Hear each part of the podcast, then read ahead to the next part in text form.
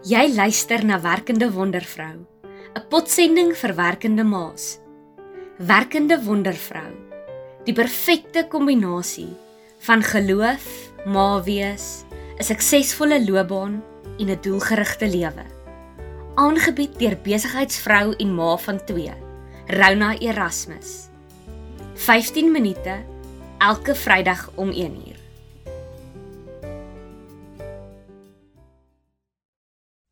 Hallo. Ek is Rona Erasmus. 'n Werkende ma net soos jy. Ek glo dat ons as vrouens geskape is om 'n lewe in oorvloed te leef. Jou drome is belangrik en dit wat jy doen, alles behalwe irrelevant. Welkom by my potsending, die werkende wondervrou. Nou ek het 'n vriend wat ongelooflik wys is. Maar meer nog as dit, ken ek bitter min mense wat so positiewe uitkyk op die lewe het soos hy. Wanneer mense met enige probleem of negatiewe gedagte na hom toe gaan, het hy dadelik 'n positiewe, opbouende en meestal lewensveranderende brokkie wysheid om te deel. Sonder om eers twee keer te dink. Kyk, dis een ding om te gaan nadink oor 'n probleem en dan 'n wyse oplossing of 'n antwoord vir iemand te gee. Maar AJ vat dit sommer so in sy stride. Daar is baie dinge wat hy sê wat lewensveranderend is. Maar iets wat hy die week gesê het, het my tot nuwe insig gebring en my laat besef waarom hy altyd so positief is.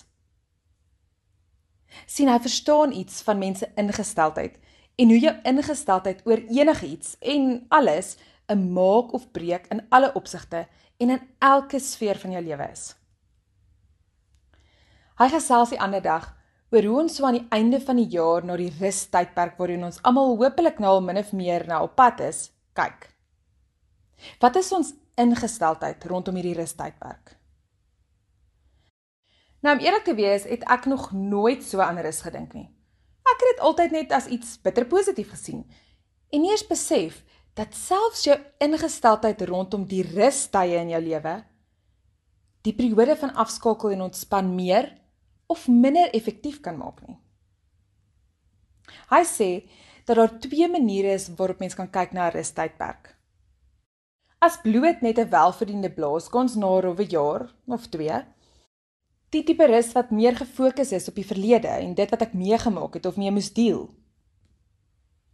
Of jy kan rus in afwagting op 'n nuwe jaar, 'n nuwe seisoen, 'n nuwe beroep, 'n nuwe begin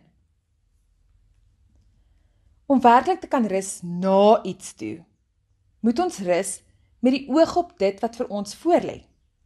Sodat ons weer kreatief en vol energie die nuwe kan aanpak na ons rustyd verby is.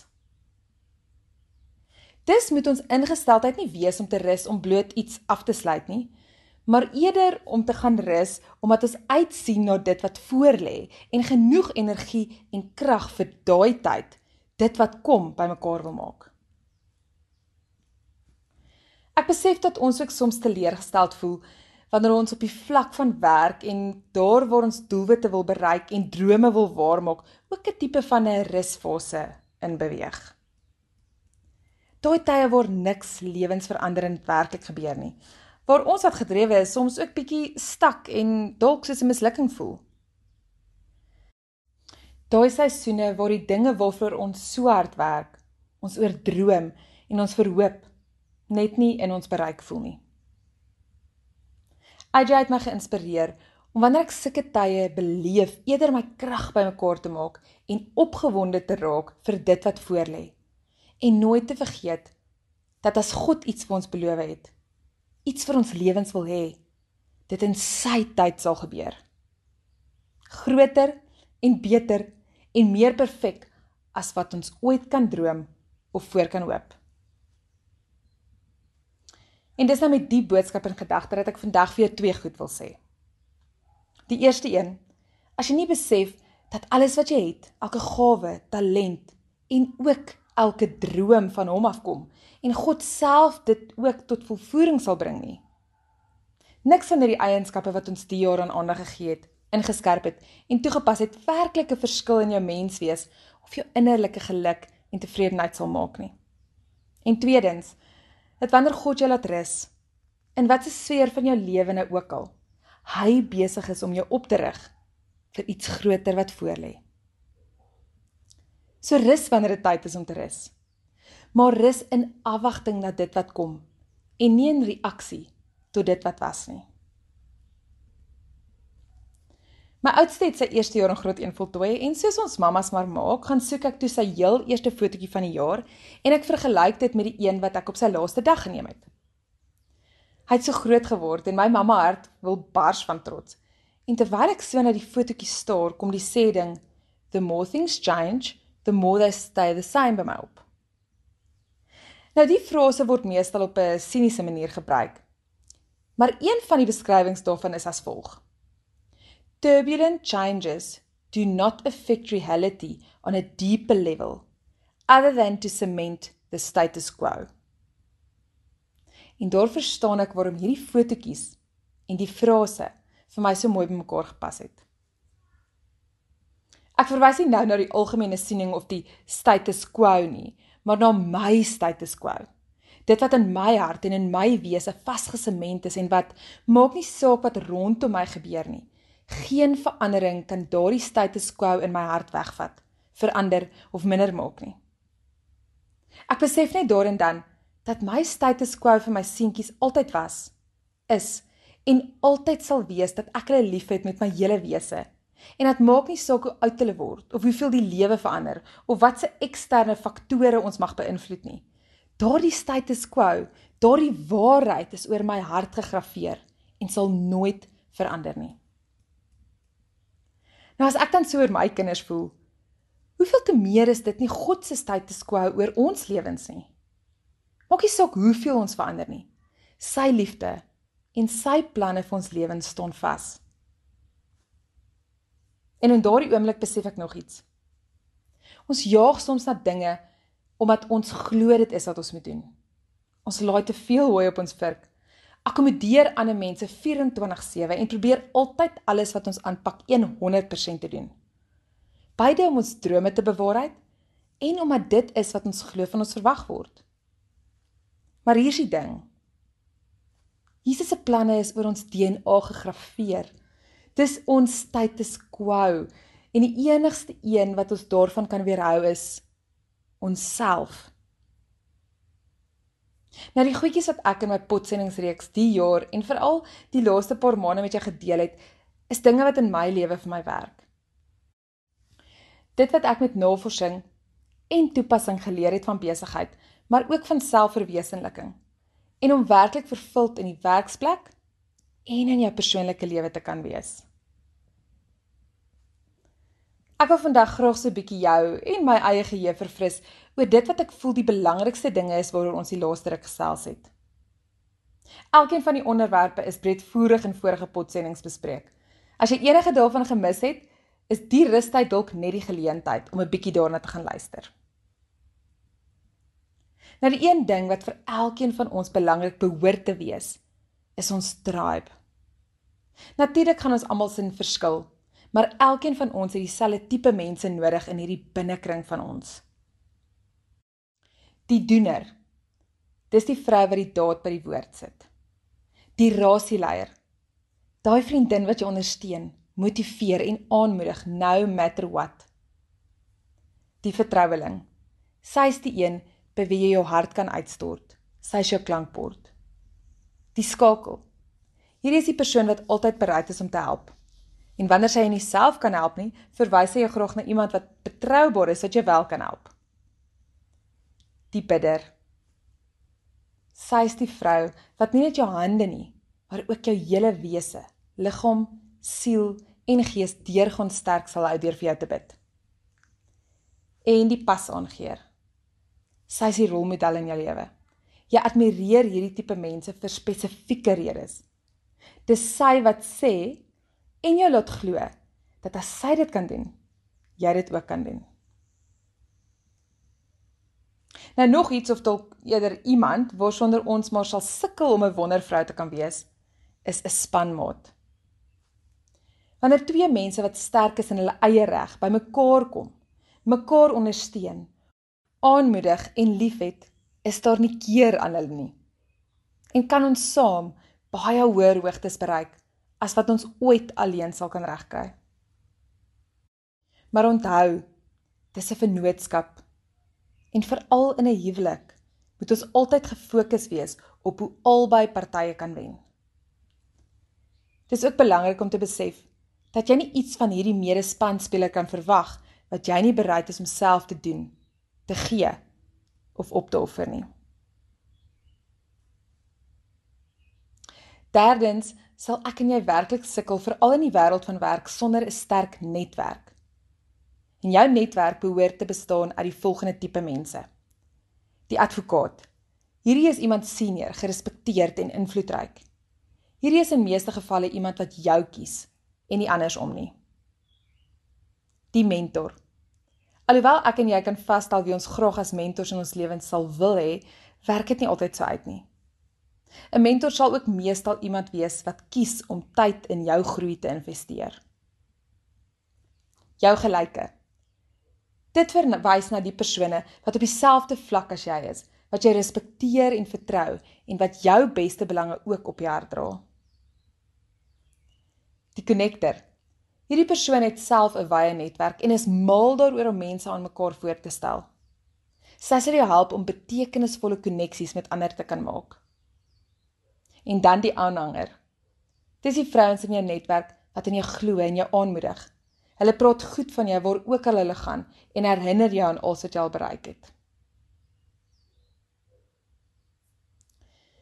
Dan is die volgende bitterbelangrike tema wat ons aangeraak het, tydsbestuur. Hoe is dit moontlik of is dit ooit moontlik om 'n 25 uur dag te hê? En hoe kry party vrouens net soveel meer gedoen? Die geheim is om die tyd tot jou beskikking vir jou te laat werk en nie andersom nie. 'n Paar tips. Doen aanlyn inkopies.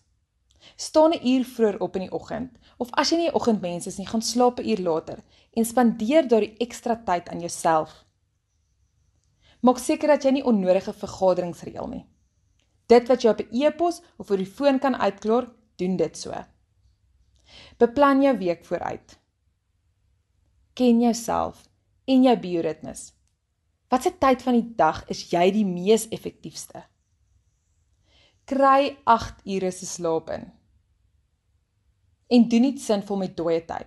Jy weet daardie tye wat jy byvoorbeeld in die kar spandeer vir jou kind wag by die skool of in die dokter se spreekkamer sit en wag.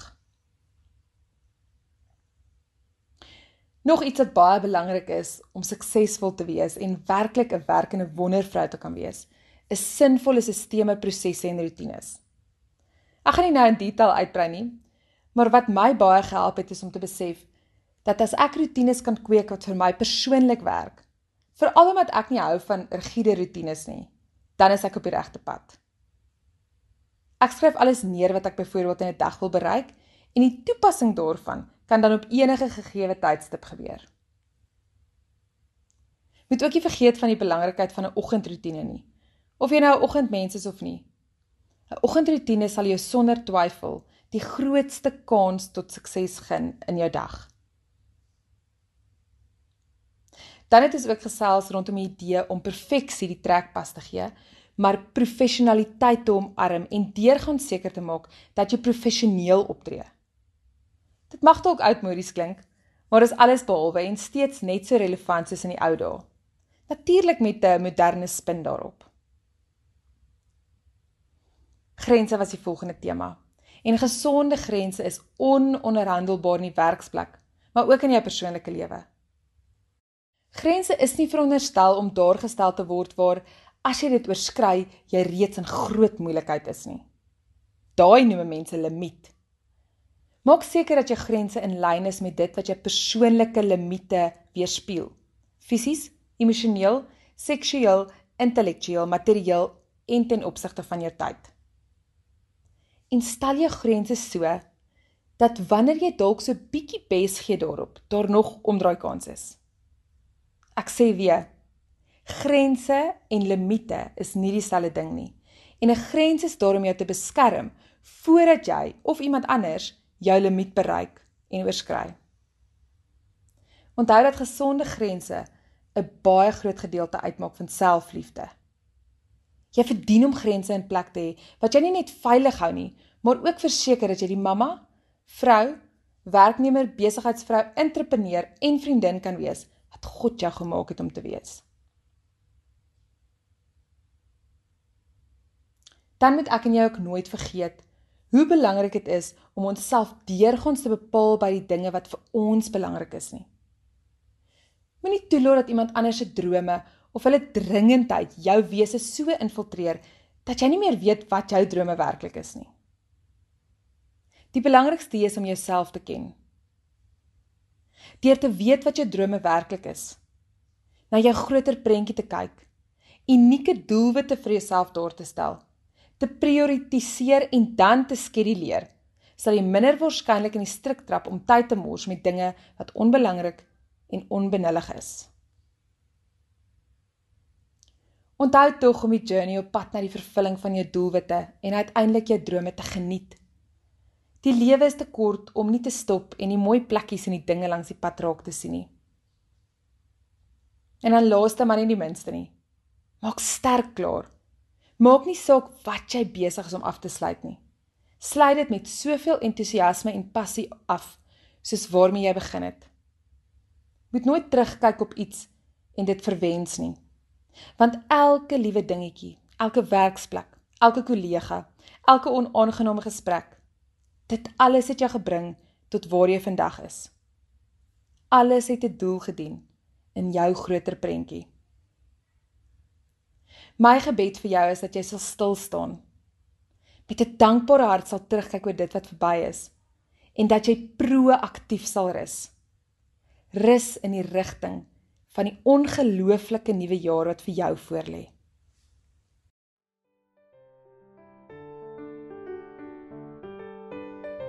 Dankie dat jy geluister het na Werkende Wondervrou, 'n potsending vir werkende ma's.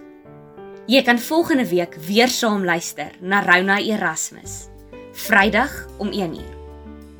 Om e-poskennisgewings van die Werkende Wondervrou potsending te ontvang, klik op voelgoed.co.za.